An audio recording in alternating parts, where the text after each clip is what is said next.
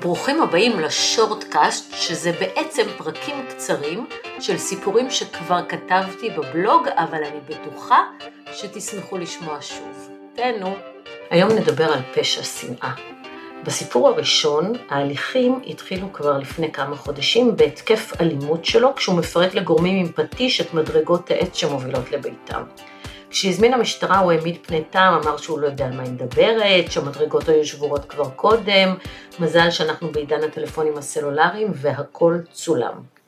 מיד כשהמשטרה עצרה אותו, אימא שלו שגרה קרוב אליהם ונהנתה מתוכנית סלולרית מוזלת אליה הם הצטרפו, הודיעה מיד לחברת הטלפון הסלולרי שהיא מבקשת לנתק את הקו והשאירה אותה בלי טלפון נייד. אני פותחת סוגריים ואומרת לכם שמספר הטלפון הנייד שלנו הפך בעשור האחרון לחלק מהזהות שלנו, אף תוכנית סלולרית מוזלת לא שווה את זה שתפקידו את המספר שלכם בידי אדם אחר. שימו לב שקו הטלפון שלכם רשום רק על שמכם ואף אחד לא יכול לנתק אתכם. לעיתים רבות שוכחים לגמרי על שם מי הטלפון רשום ונזכרים מאוחר יותר. נשוב לבית המפורק. הרקע לגירושים שם היה בעיקר אלימות נפשית קשה. כמעט בלי אלימות פיזית, חוץ ממדי פעם יריקות כשהוא לא הצליח להכיל את השנאה שלו כלפיה וירק אותה בפניה. לאחר טיפול ארוך היא הבינה שהיא חייבת להיפרד ממנו, בתגובה הוא כאמור פירק את המדרגות ונעצר. הוא הורחק לשבוע ומאז לא חזר. הגענו להסכמות שהוא ישהה עם הבנות פעמיים בשבוע בכל סוף שבוע שני. לאחר שלא הצלחנו להגיע להסכמות באף סוגיה אחרת, הוגשו תביעות וכתבי הגנה ובקשות ותגובות וניתנו החלטות. אתם יודעים, התנהלות שגרתית של תיק גירושים בין בני זוג שלא יודעים לתקשר ביניהם וזקוקים לצד שלישי שינהל ויקבע עבורם, במקרה הזה השופטת. בינתיים האלימות שלו לא הפסיקה, אלא הועברה לנפשם של הבנות. שלוש בנות הם הביאו לעולם ואת בנות ה-13 ו-10 הוא התחיל להסית נגד אימא שלהם, הסתה קשה ומרושעת ששוטפת את מוחן בשנאה כלפי מי שהביאה אותם לעולם. למרות שהבנות היו איתו רק פעמיים בשבוע, הם לקחו לעצמם חופש להשתלח באימא שלהם, שתמיד הייתה המטפלת העיקרית בהם. הם המשיכו לשהות עם, עם אימא שלהם בדיוק לפי ההחלטה, אבל הנפש שלהם הייתה ארוסה והם ממש סבלו. מצד אחד הן גרות עם אימא שהן שונאות, ומצד שני הן מקבלות ממנה אהבה ויודעות שהיא תמיד שם בשבילם, ושגם אבא אוהב אותם, אבל ממנו צריך להיזהר שלא יכעס ויהיה אלים. העובדת הסוציאלית הייתה מודעת למצב, אבל ציינה לקונית בתזכיר שהוגש יומיים לפני הדיון, שהאב חשף, חשף את הבנות להליך גירושים בתחילת הדרך, אבל הבטיח שלא יעשה את זה שוב. העובדת הסוציאלית המליצה להשאיר את הסדרי השהייה על כנם, והמליצה על טיפול רגשי לבנות והדרכה הורית. התזכיר הזה, שאני קוראת לו תזכיר פרווה, הרתיח אותי, בגלל שהוא היווה דוגמה רעה לאוזלת היד של המערכת הרווחה, שיודעת ולא אכפת לה שהנפש של הבנות נהרסת בכוונה תחילה על ידי אב נרקסיסט ואלים. כשהגענו לדיון טענתי שהאב מסית את הבנות ושצריך להתחיל, להורות לו להתחיל טיפול מיידי ולחייב אותו להסכים לשלוח את הבנות לטיפול רגשי. עד עכשיו הוא התנגד לזה ולהתנות את המשך קיומם של הסדרי השהייה בהפסקה מוחלטת של ההסתה, שאם לא כן, כך הסברתי לשופטת, יתפתח כאן בוודאות ניכור הורי. איזה הסתה? שאלה השופטת, הבנות נמצאות אצל האמא 60% מהזמן. זה נכון, אמרתי לה, אבל זה רק כי הוא לא מסוגל לטפל בהם. הבנות מוסתות באופן קשה נגד אמם, ויש לי הקלטות שמוכיחים את זה.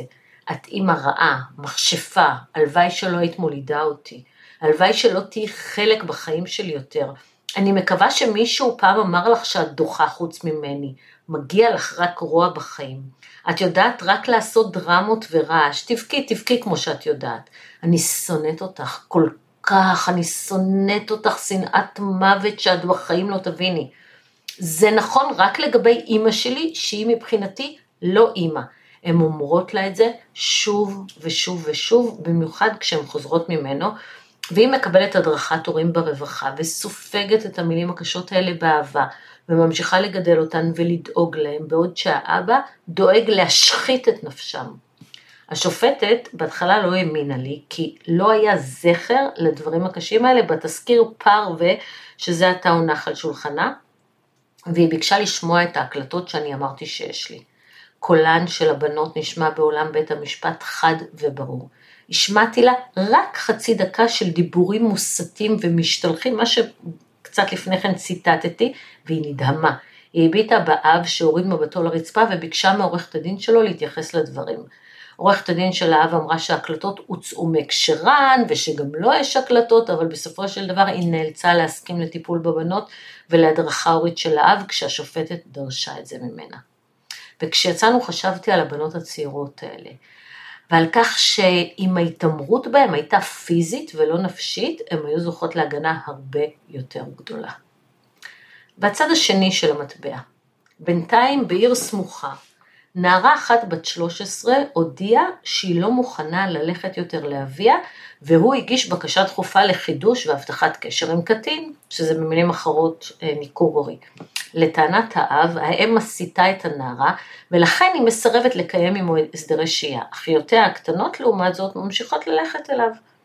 לא כולם יודעים, אבל לא כל מקרה של ניתוק קשר מקורו בניכור הורי. באותו מקרה, האימא, אישה חכמה ומוצלחת היא אישה מוכה בכל רמ"ח איבריה.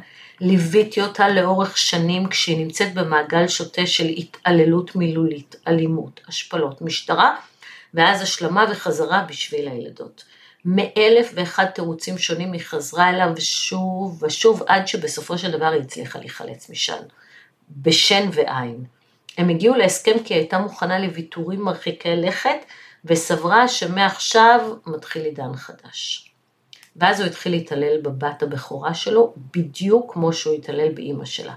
בכל רגע שהנערה הייתה איתו, היא ספגה או האשמות, או צרחות, או השפלות, יחד עם דיבורי שנאה ושטנה נגד אימא שלה ונגד ההורים של אימא שלה, וזה התחיל מ"את ילדה לוזרית" והמשיך ב "אני הולך לישון וחולם בלילה שאימא שלך מתה". הוא נוהג לומר לנערה הזאת כל הזמן את הדיבורים האלה, והיא התחילה להתמרד ודרשה ללכת לטיפול. כשהיא דיברה ושפכה את ליבה אצל המטפלת, הפסיכולוגית קראה להם והתריעה, אמרה שימו לב מה קורה פה. יום למחרת הוא הודיע שהוא מפסיק את הטיפול, אבל הוא המשיך את ההתעללות. אין מה לעשות, בהפרעת אישיות קשה מאוד לטפל ומאוד קשה להתמודד איתה. בסופו של דבר הוא הסכים לטיפול נוסף, והפעם הוא בחר את הפסיכולוגית. היא המליצה לילדה לקבוע איתו פגישה בבית קפה ולהגיד לו את מה שיש לה על הלב.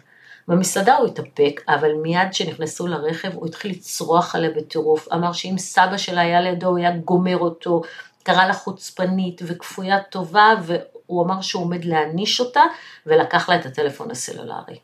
הנערה נשברה. אימא שלה שהייתה מורגלת לענישה באמצעות הטלפון ידעה שהוא לא יחזיר לה אותה ומיהרה לרכוש לה מכשיר חדש. הפסיכולוגית של הילדה התקשרה לדבר איתו ומיד לאחר מכן היא הודיעה על הפסקת הטיפול. הילדה מדהימה וזקוקה לטיפול, כך אמרה הפסיכולוגית שכנראה איימו עליה, אבל אני לא אוכל להמשיך לטפל בה.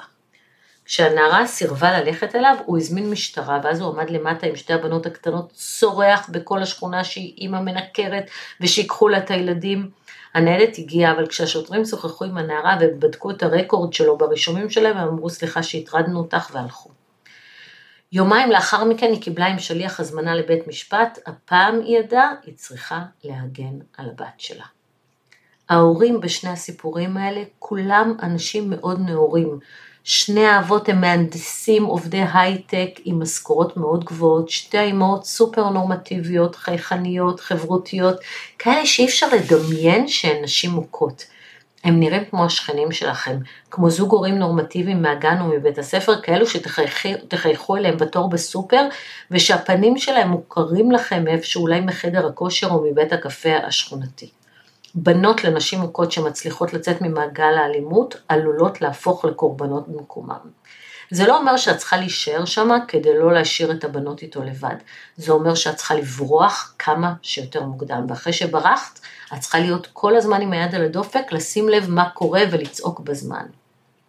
בואו נדבר רגע על השנאה התהומית הזאת שמפתחים נגד ההורה האחר. זה לא רק אבות ששונאים את האימהות, יש גם לא מעט אימהות ששונאות את אבי ילדיהם, שנאה עמוקה כל כך שמפעפעת לילדים בלי פילטר. השנאה הזאת הורסת לילדים שלכם את החיים. השנאה הזאת היא פשע כלפי הילדים שלכם, פשע שנאה. היא פוגעת בנפש שלהם פגיעה בלתי הפיכה. היא מפתחת אצלהם שנאה עצמית, היא גומרת להם את הערך העצמי והיא מפחיתה דרסטית את הסיכוי שהם יוכלו לקיים מערכות יחסים נורמטיביות בעתיד. כשאתם מלמדים את הילדים שלכם לשנוא את אחד ההורים שלהם, אתם ממש מפעילים נגדם אלימות רגשית. זה כמו להכות אותם בחגורה, כמו לנעול אותם בשירותים, כמו לכבות עליהם סיגריה. אלא שעל אלימות פיזית נענשים ומול אלימות רגשית המערכת המשפטית חסרת אונים. דמיינו שהבת שלכם עוברת התעללות בבית הספר, הילדים שונאים אותה, אומרים לה שאימא שלה שמנה, שהיא מכוערת או מחוצ'קנת, לועגים לגירושי הוריה, צוחקים מהבגדים שהיא לובשת או מפיצים תמונות עירום שלה. הייתם נזקים, נכון? הייתם רצים לבית הספר, נפגשים עם היועצת, דופקים על השולחן של המנהלת ודורשים לעשות הכל כדי למנוע מהילדה שלכם את הסבל הזה. אתם, אתם לא תיתנו לאף אחד להתעלל בבת שלכם, אתם תילחמו כדי להגן עליה, אתם תתרמו לה כליה ואתם תיתנו את החיים שלכם עבורה. לא ככה? אז כשבבית, כשאתם מחדירים לה שנאה להורה השני, אתם מתעללים בה לא פחות. התוצאה הוודאית היא נפש ארוסה שקשה מאוד לשקם. זה תג המחיר של פשע שנאה. אברהם לינקולן אמר פעם שהדבר הכי טוב שאדם יכול לעשות עבור ילדו הוא לאהוב את אימא שלו. הרבה מאוד ילדים רק יכולים לחלום על זה. לפחות אל תשנאו.